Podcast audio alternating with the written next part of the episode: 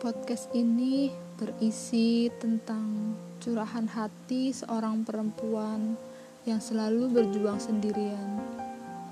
Dulu, sekarang, dan yang akan datang. Dengarkan ini, bila perlu, jadikan tamparan. thank you